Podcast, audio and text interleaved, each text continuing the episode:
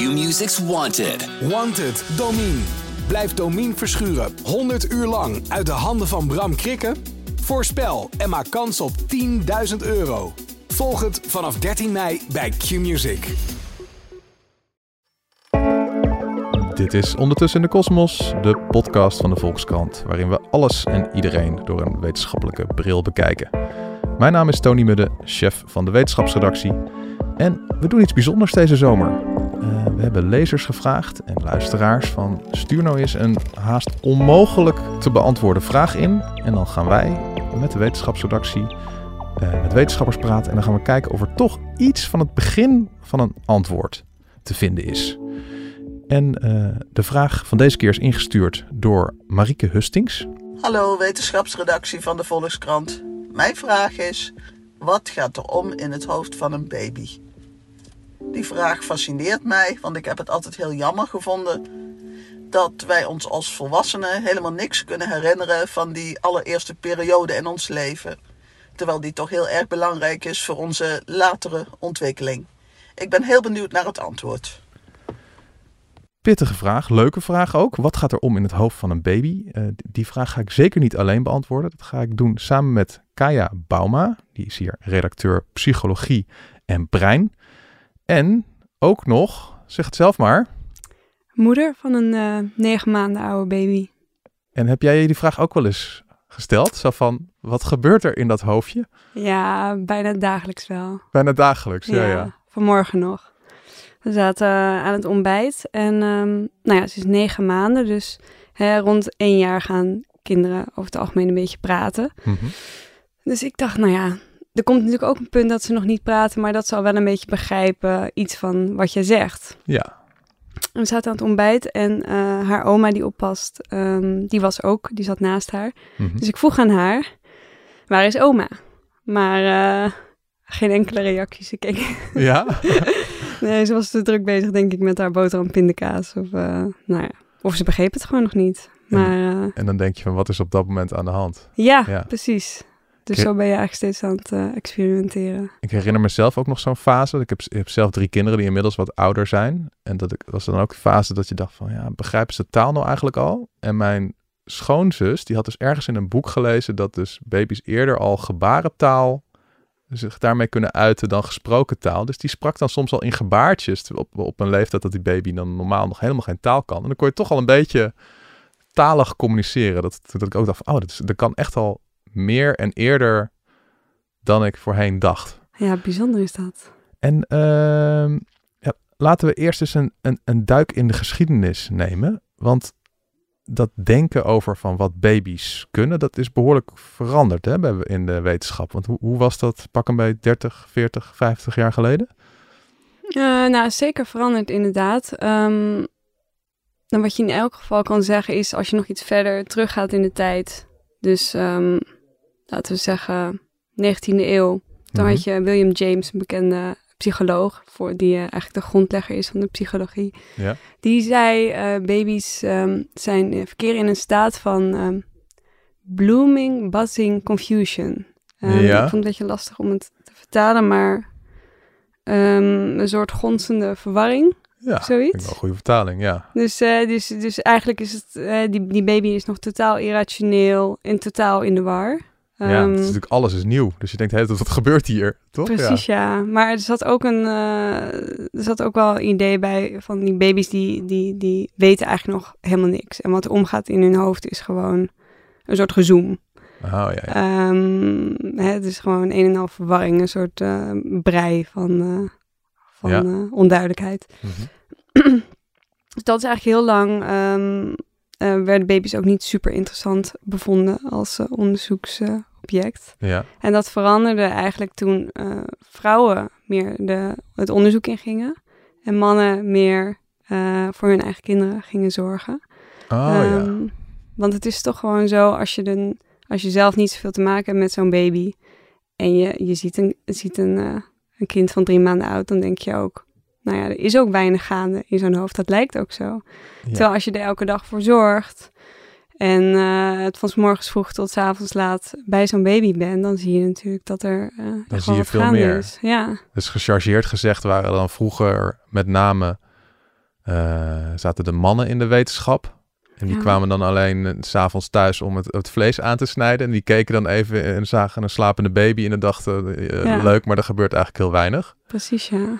En toen die mannen meer gingen zorgen, dachten ze, oh, er gebeurt eigenlijk meer, die mannelijke wetenschappers. En voor de Ja. vrouwen is er dan de, de emancipatiestrijd gaande zijn geweest, dat die juist meer wetenschap zijn gaan bedrijven en Ja, hun eigen ervaringen meenamen Ja. naar de wetenschap. ja precies, ja.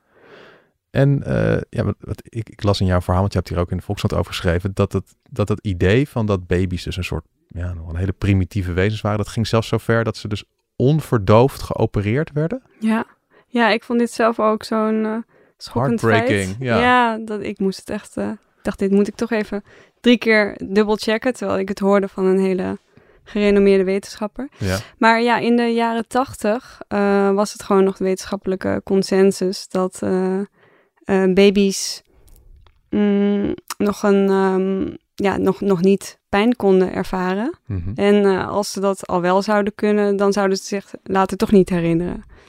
Dus ehm, ja, de gedachte was, eh, als je een baby moet opereren, dan kan dat gewoon onverdoofd.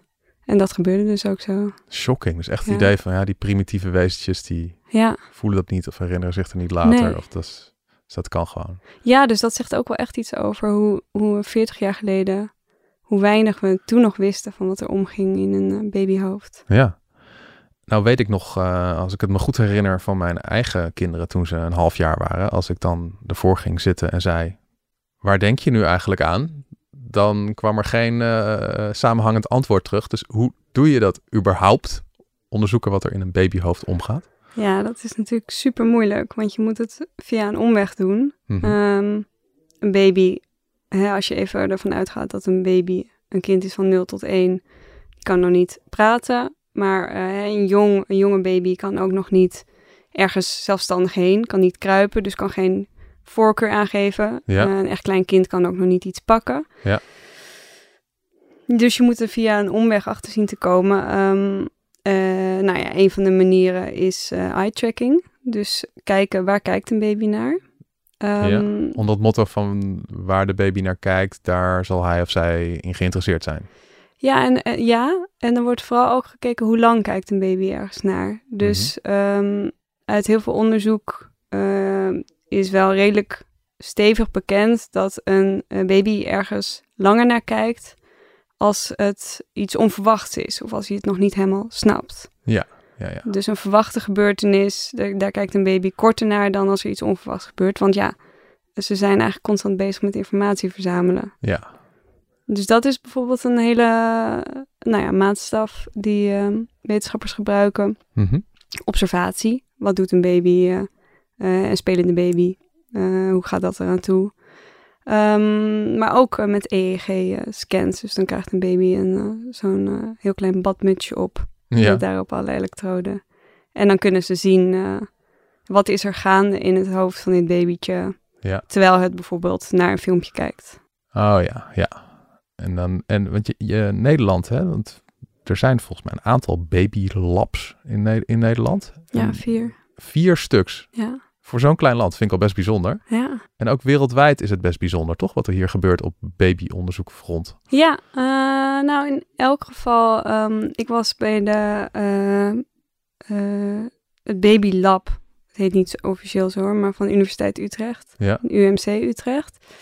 Ehm, en daar loopt een heel groot onderzoek wat inderdaad wereldwijd uniek is. Want zij volgen baby's vanaf eh, het moment dat ze nog in de buik zitten. Mhm. Dus ehm, eh, eerst volgen ze met echo's. Ehm, en dan volgen ze die kinderen uiteindelijk tot ze zes jaar oud zijn. Dus, eh, en dat doen ze met 3000 baby's. Zo, hè? Ja, dus dat zijn hele grote aantallen. Ja, En een hele lange volgtijd. En dat is eigenlijk al op zich uniek dat dat zo wordt gedaan. Omdat dat onderzoek zo enorm eh, tijdrovend en uitdagend is. Ja. En dus ook kostbaar. Ehm, en die onderzoekers, wat ook mooi aan is, die stellen die data ook eh, beschikbaar voor andere onderzoekers. Dus het worden gewoon open data en dan kunnen andere wetenschappers wereldwijd daaruit putten. oké. En, en eh, nou, je hebt daar ook eventjes de, de opnameknop ingedrukt in dat babylab. Van Ja. hoe dat er dan aan toe gaat bij zo'n experiment. Dus laten we even luisteren. Met uw kind op het kleed te spelen op de manier zoals u dat thuis normaal gesproken doet. U kunt, u kunt het doen met of zonder het speelgoed dat nu op het speelkleed ligt. En na ongeveer drie minuten zou ik vragen eh, om met de vormenstoof te spelen. Die zit hier in de mand. Ehm, u kunt uw kind leren te spelen met de vormenstoof en samen ontdekken wat uw kind allemaal mee kan doen. Dit duurt ongeveer drie minuten. Ik zal u erna vragen om Ja, samen... dit, dit is al vrij komisch dat je dus een onderzoeker probeert dan een onderzoek uit te leggen en de baby is volgens mij duidelijk met andere dingen bezig. Zeker. Maar wat, eh, even om het te schetsen, wat, wat wilde deze onderzoeker hier onderzoeken? Ehm, nou, zij, zij, omdat zij die ehm, data ook beschikbaar stellen voor andere wetenschappers, zijn het redelijk open vragen Mhm. eh, die ze stellen. Ehm, dus dit was eigenlijk een onderzoek naar eh, ouder-kind-interactie. Ja, Het was het idee dat de moeder eh, met haar zoontje Luc ehm, eh, ging spelen. ja. En eh, nou ja, dan moest ze op een bepaald moment moest ze de vormenstoof erbij pakken. En dan moest ze weer De wat erbij de pakken? vormenstoof. De vormenstoof? Dat herinner je je niet? Dat is Wat is dat?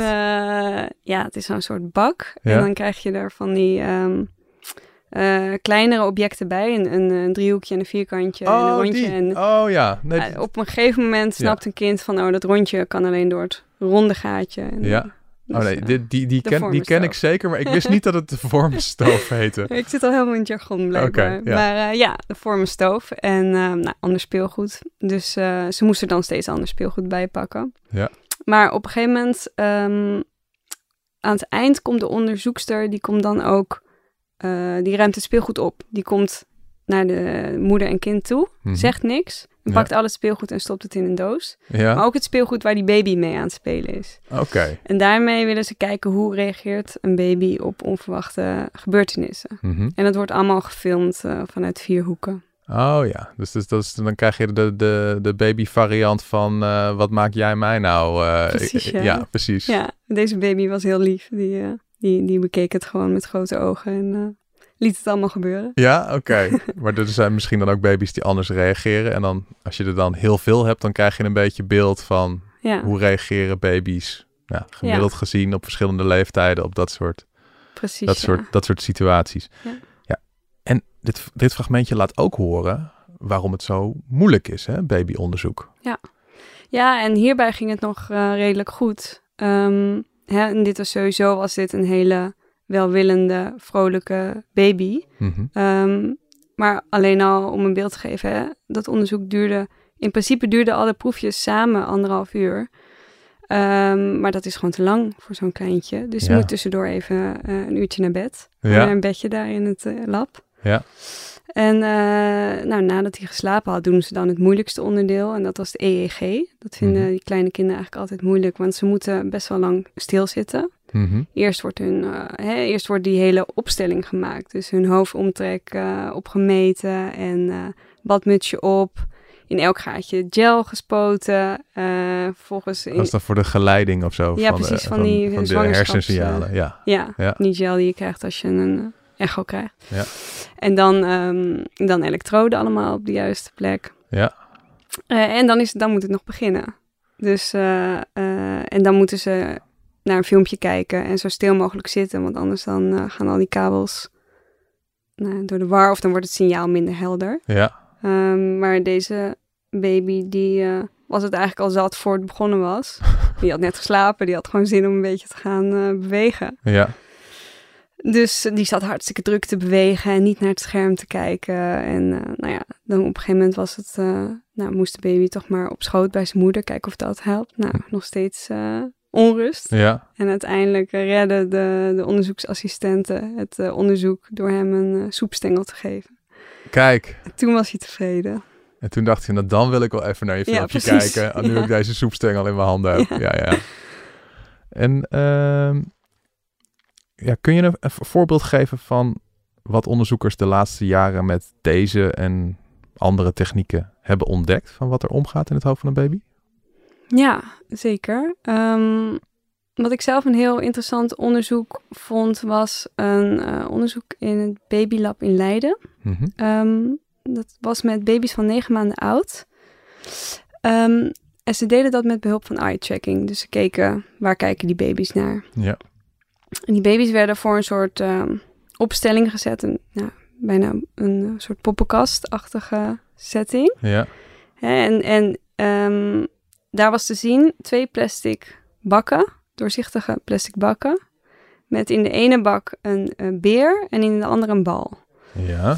En vervolgens zagen die baby's, die zagen een hand eh, en die pakte eh, de beer. Die deed die plastic bak open, pakte de beer eruit. Ja. Ehm, en uh, nou, pakte de beer. Ehm, en dat deed die hand een keer of drie uh, achter elkaar. Ja. Dus de baby zag steeds, die hand pakte beer. Ja. Vervolgens um, veranderden ze de opstelling een beetje. Dus zetten ze de beer, die, stond, die zat in de linkerbak. En die deden ze in de rechterbak. En de Ja. bal in de linkerbak. Ja. Ehm, en toen deden ze één keer, pakte de hand opnieuw de beer, maar dan Mhm. dus uit de andere bak. Mhm. En één keer pakte de hand de bal, maar dan uh, weer uit die linkerbak. Ja. Um, en ze zagen dat de baby's het langst keken um, als de hand de bal pakte. En dus als baby's lang kijken, dan betekent dat dat ze het niet helemaal, dat het onverwachts is voor ze. Ja. Dat ze het niet begrijpen. Dus die baby's, die hadden niet verwacht dat die hand de bal zou pakken. Die hadden verwacht, die hand pakt weer de beer. Want dat doet hij de hele tijd, ja. Ja, maar dat betekent dus, het, het klinkt eigenlijk heel, heel simpel hè, als je het zo omschrijft, maar het betekent dat een baby niet gewoon denkt, oh, er komt steeds een hand. Ja. Die pakt steeds iets uit die ene bak. Nee, het betekent dat, ze, dat, ze, dat er wel een soort van, uh, zij hebben door, die, die hand, die, die pakt niet zomaar wat, die is ergens op uit. Die wil die beer specifiek. Ja, ja, ja. En dat verwachten ze ook. Dat ook als de beer ergens anders zit, dat die hand weer... Dus dat je eigenlijk al snapt, wat is het doel van de, de ander? Precies, Ja. ja. Ja, en dat is... Um, dat, dit was met baby's van negen maanden oud. Maar ik heb me laten vertellen dat ze dat al vanaf zes maanden oud kunnen. Ja. Dus ze kunnen al afleiden, een ander mens heeft een doel. Ja. En dat is eigenlijk al, als je erover nadenkt, zoiets groots. Want ze kunnen al begrijpen, hè, jij bent een ander persoon dan ik en jij Ja. wil iets. Ja, dat is eigenlijk gewoon het voor wat dan later uh, toponderhandelingen worden op heel complex niveau. Dat eigenlijk Ja. dat beginpunt van oké, ik heb nu te maken met iemand die wil iets. Ja, En hoe reageer ik erop? Dat begint, dus eigenlijk al nou, sowieso bij zes maanden. ja, Ja, Ja, dat is wel fascinerend. ja. Nog een voorbeeldje? Nou, wat ik ook heel leuk vond was uh, wat ze, diezelfde onderzoekers met Mhm. dezezelfde opstelling um, deden ook nog een andere proef. En dan zetten ze, hè, dus je hebt nog steeds die plastic bakken Mhm. en dat speelgoed. Maar nu zetten ze uh, dat speelgoed voor de plastic bakken. Dus niet meer erin, Ja, maar ervoor. ja, Uh, en dan lieten ze weer die hand, uh, die pakte, deed dan eerst de bak open ja. en pakte vervolgens weer de beer. Maar Terwijl dat die beer zat voor die bak. Ja, Ja. dat is onlogisch. Ja. Het is niet nodig. Ja. Um, en verder liep, verliep de proef precies hetzelfde. Dus pakte, die hand pakte een paar keer die beer. Mhm. En vervolgens draaiden ze uh, het speelgoed om. Um, en kijken, uh, hè, kijkt die baby weer het langst als de hand wat onverwachts doet, namelijk de bal pakt. Maar nu keek de baby precies even lang, uh, keken de baby's gemiddeld, precies Ja. even lang naar als de hand de bal pakte of de beer pakte. Um, en dat komt, zegt deze onderzoeker, omdat baby's al, al vrij vroeg um, gebruik maken van het principe van um, efficiënte actie. Dus dat jij een actie onderneemt Mhm. met een bepaald doel, dus je wil die beer pakken, maar dat dat efficiënt moet zijn, uh, logisch eigenlijk.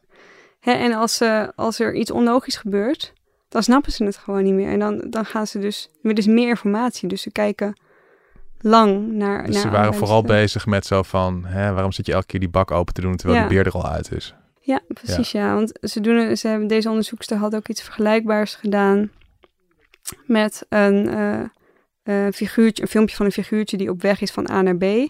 En er ligt een uh, blokje in de weg. Dus het figuurtje moet om het speelgoedblokje heen lopen. Ja, Maar op een gegeven moment haalt uh, in een volgend filmpje is dat blokje weg. ja, En als dat figuurtje dan nog steeds omloopt, terwijl dat helemaal niet nodig is, ja. dan blijven baby's daar dus heel lang naar kijken. Zo van, wat gebeurde hier? Ja. Waarom moet dit? Zit hier logica achter? Ja, ja, ja. Dat is in ieder geval de interpretatie van de onderzoekers. Ja, ze zijn al heel erg bezig met wat is logisch, wat is efficiënt, wat, wat wil de ander. ja.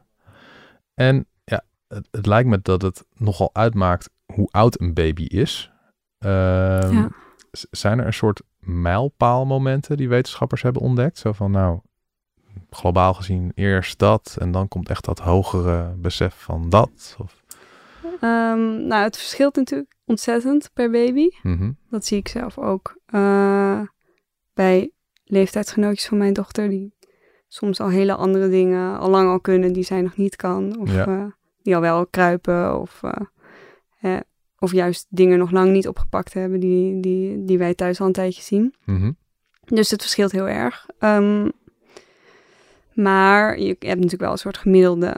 Ehm, dus wat je erover kan zeggen is bijvoorbeeld met eh, zeker weten met drie maanden eh, snapt een baby dat die bungelende objecten eh, die de hele tijd voorbij komen, die armen en die benen, dat Ja. die bij hem horen. Oh, en en dat- daarvoor snappen ze dat soms nog niet.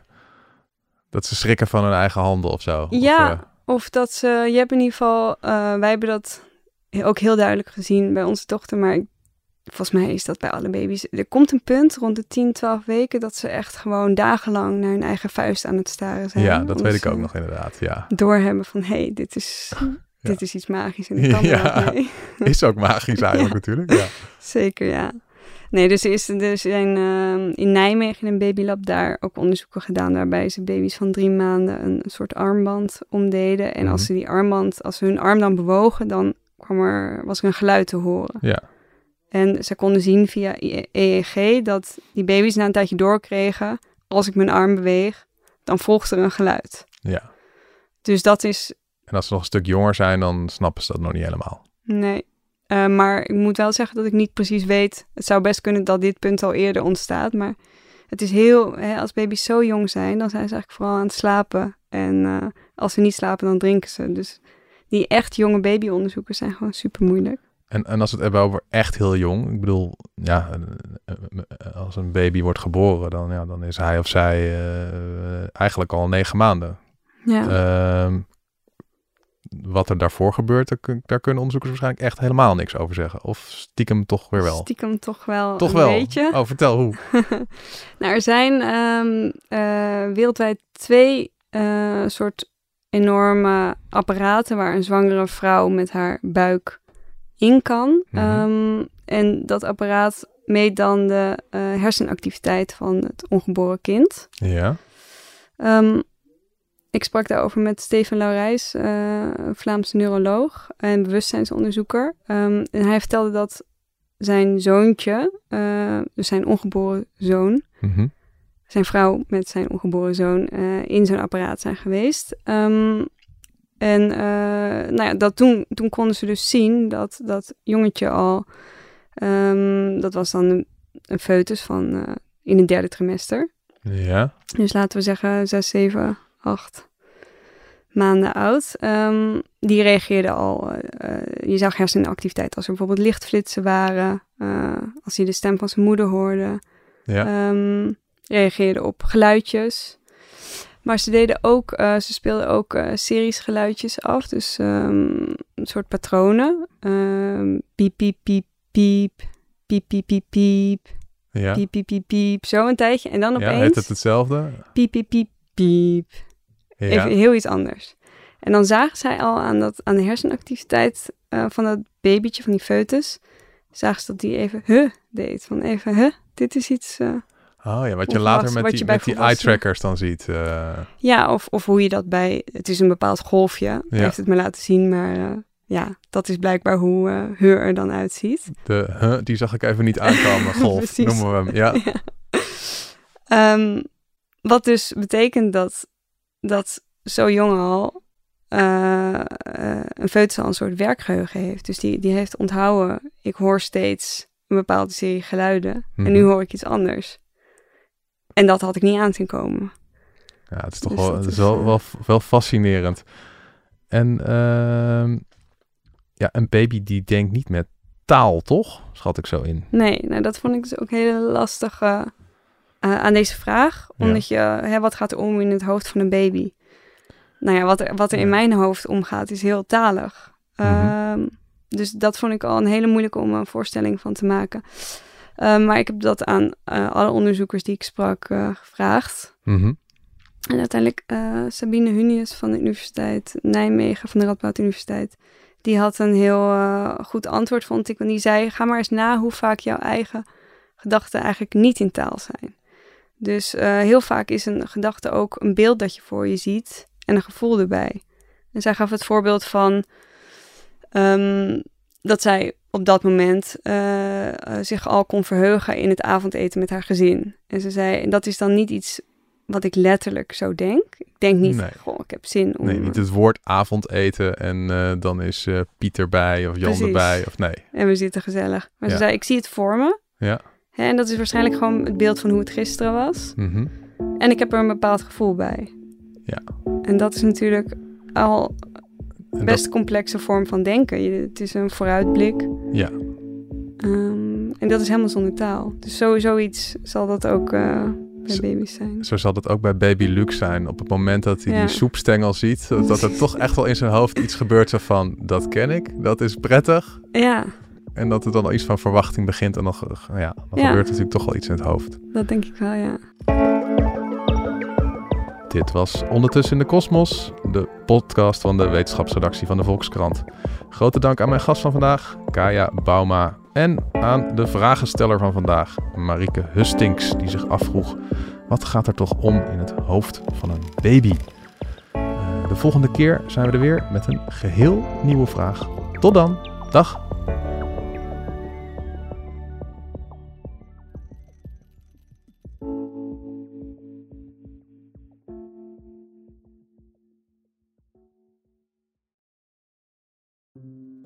Hi, mijn naam is Corine Kolen en je luistert naar De Liefde van Nu. In de 18 jaar dat ik interview over de liefde heb ik die nog nooit zo zien veranderen als op dit moment. Grenzen tussen vriendschap en liefde zijn veel minder scherp. En ook de strikte verschillen wat betreft seksuele geaardheid en voorkeuren zijn aan het vervagen. In deze podcast interview ik telkens iemand die vertelt over hun zoektocht naar liefde en vriendschap. Dit is de liefde van u.